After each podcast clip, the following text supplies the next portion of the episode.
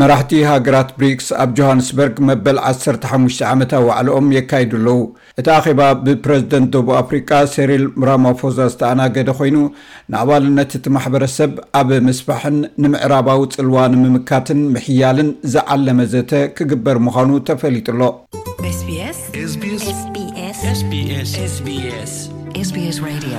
ኣብ 209 ዘይወግዓዊ ናይ ዝምዕብላ ዘለዋ ቁጠባ ዝሓቆፈ ጉጅለ ቆመ ድሕሪ ግዜ ደቡብ ኣፍሪቃ ንብራዚልን ሩስያን ህንድን ቻይናን ተጸንበረተን እቲ ጉጅለ ከኣ ብሪክስ ተባሂሉ ክፍለጥ ተጀሚሩ ሕጂ ኣብ ጆሃንስበርግ ንመበል 15 ዋዕለኦም ምግባር ተኣኪቦም ኣለዉ ኣብኡ ድማ ብዛዕባ ኣባልነት ንምስፋሕ ዝኽእለሉ መገዲ ክዝትዩ እዮም። ኣብዚ ውግእ ዩክሬን ኣብ ዝለዓለ ጥርዙ በጺሕሉ ዘሎን በይጂንግ ምስ ሕቡራት መንግስታት ኣሜሪካ ዘለዋ ጽልኢ ከሪርሉ ኣብ ዘሎን ቻይናን ሩስያን ነቲ ጉጅለ ንምድልዳልን ንምሕያልን ሓሳብ ከም ዘቕረባ ተሓቢሩ ኣሎ። ናይ ደቡብ ኣፍሪቃ ፕረዚደንት ሬማፎዛ ነቲ ሓሳብ ደገፉ ኣስሚዑ ኣሎ። South Africa and China have similar views ደቡብ ኣፍሪቃን ቻይናን እውን ምስ ምስፍሕፋሕ ኣባልነት ብሪክስ ኣብ ዝተተሓሓዘ ተመሳሳሊ ኣረኣእያ እዩ ዘለወን። ሎሚ እውን ኣብ እዋን ዕረፍትና ምስ ካልኦት መራሕቲ ብሪክስ ብዛዕባ ዝህልወና ምይይጥ ከነልዕሎ ኢና። ፕረዚደንት ሩስያ ቭላድሚር ፑቲን በቲ ኣብ ዩክሬን ዝገበሮ ኲናት ብገበን ኲናት ስለዝድለ ኣህጉራዊ ናይ ምእሳር ትእዛዝ ከይፍጸሞ ብኣካል ናብቲ ኣኼባ ኣይከደን። እንተኾነ ኣብቲ ኣኼባ ብማንዛ ይሳተፍ ኣሎ።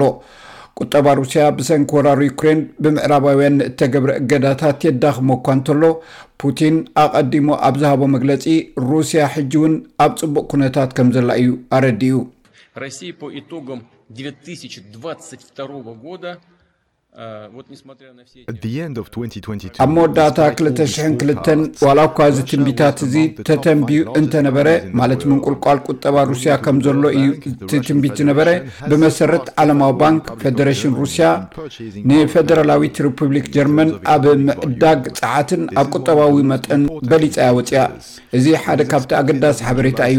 ኣብ ሓምለ፣ መስከረም እቲ ባጀት ተረፍ ክህልዎ ትጽቢት ይግበር። ብሓፈሻ ክረኣ ከሎ ኣብ መላእ ዓመት ልዑል መጠን ወጻኢ ኣብ ልዕሊ ኣታዊ፣ ዳርጋ ክልተ ሚእታዊ ካብ ጅምላ ሃገራዊ እቶት እዩ ክኸውን። ግብጺ፣ ኢንዶነዥያ፣ ስዑዲ ዓረብን ዝርከበኣን ልዕሊ ኣርብዓ ሃገራት ኣብቲ ፎረም ክጽንበራ ድሌት ከምዘለወን ኣፍሊጠን ኣለዋ። ኣባልነት ከም ፋይናንስያዊ ምዕባለ ከምኡውን ንግድን ወፍርን ዝኣመሰለ ረብሓታት ከም ዝርከቦ ተስፋ ዝግበረሉ እዩ። እቲ ዘይወግዓዊ ኪዳን ልዕሊ ኣርብዓ ሚእታዊ ካብ ህዝቢ ዓለምን ርብዒ ቁጠባን ዘጠቓለለ እዩ። ናይ ብራዚል ፕረዚደንት ደ ሰልቫ እቲ ምትእኽኻብ ኣብ ዓለም ሓያል ጽልዋ ክህልዎ ከም ዝኽእል ገሊጹ። ብሪክስ ነቲ ኣብ መላእ ዓለም ዝኸይ ዘሎ ኩነታት ናይ ምቕናዕ ፍሉይ ዕድል ኣለዎ። ኣቱም ነጋዶ ኣብዚ ጻዕሪ እዚ ኣካል ናይዚ ጻዕሪ ኢኹም። ሓድነት ናይ ሃገራትና ሓደ ሲሶ ቁጠባ ዓለም እዩ ዘመልክት። ሓደስቲ ኣባላትን መሻርኽትን ምስ ዝኣትዉ እዚ ውድዕነት እዚ እናዓበየ ክኸይድ እዩ። ነዚ ተኽእሎ እዚ ብዝበለጸ መገዲ ንምፍጻምን ነባሪ ፍረ ንምርካብን ኣብ መንጎ ውልቃውን ህዝባውን ትካላት ዘሎ ዕዮ ኣገዳሲ እዩ። ምስፋሕ ናይቲ ጉጅለ ነቲ ፎረም ነቲ መጠኑ ዝሓለፈ ናይ ምዕራባውያን ሃገራት ዕብለላ ዝብልዎ ክቕይሮ ይኽእል እዩ። ፕረዚደንት ቻይና ዢ ጂንፒንግ ነቲ ኣኼባ ብሪክስ ብሚኒስተር ንግዲ ዋንግ ዌንታኦ ኣቢሉ እዩ ሓሳቡ ኣቕሪቡ። ስለምንታይ ኣብቲ ዋዕላ ከም ዘይተዛረበ ንጹር ኣይኮነን። ይኹን እምበር በቲ ኣብ ኣባልነት ዝገብርዎ ምርጫታትን ኣብ ቁጠባኦም ዘለዎም ኣቀራርባን ታሪኽ ብኸመይ ይቐርጹ ከም ዘለዉ ኣነጺሩ። ብዓብዪ ሽግርን መስዋእትን ዲሞክራስያዊ ናጽነትና ረኺብና ኢና።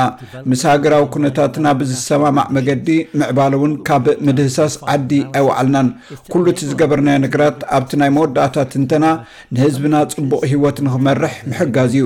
ይኹን እምበር ገለ ሃገራት ነቲ ናይ ዕብለላ ኣካይደእን ከቋርጻ ፍቓደኛታት ኣይኮናን። ንቁጠባዊ ዕዳጋታት ሃገራትን ኣብ ምምዕባል ዝርከባ ሃገራትን ብሓይሊ ይዓግታ ይጭፍልቓን ኣለዋ። ነቲ ጽቡቕ ዝምዕብል ዘሎ እናገትኣን ንዘርከበን ክሕንኩላን ይረኣያ። ናይ ብራዚል ፕረዚደንት ብወገኑ፣ ምውሳኽ ካልኦት ሃገራት ኣብቲ ፎረም፣ እቲ ብሪክስ ክህልዎ ዝኽእል ጽልዋ ክብርዞ ከም ዝኽእል እኳ እንተገለጸ፣ እንተዀነ ምይይጥ ክግበረሉ ድሉው ከም ዝዀነ ገሊጹ ኣሎ።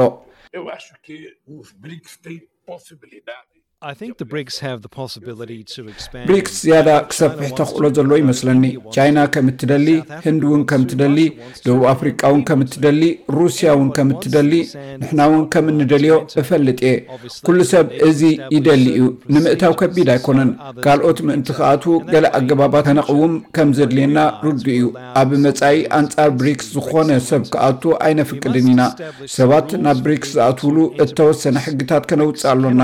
ብሪክስ ዕፁው ክለብ ክኸውን ኣይክእልን እዩ። ጂ7 ዕፁው ክለብ እዩ።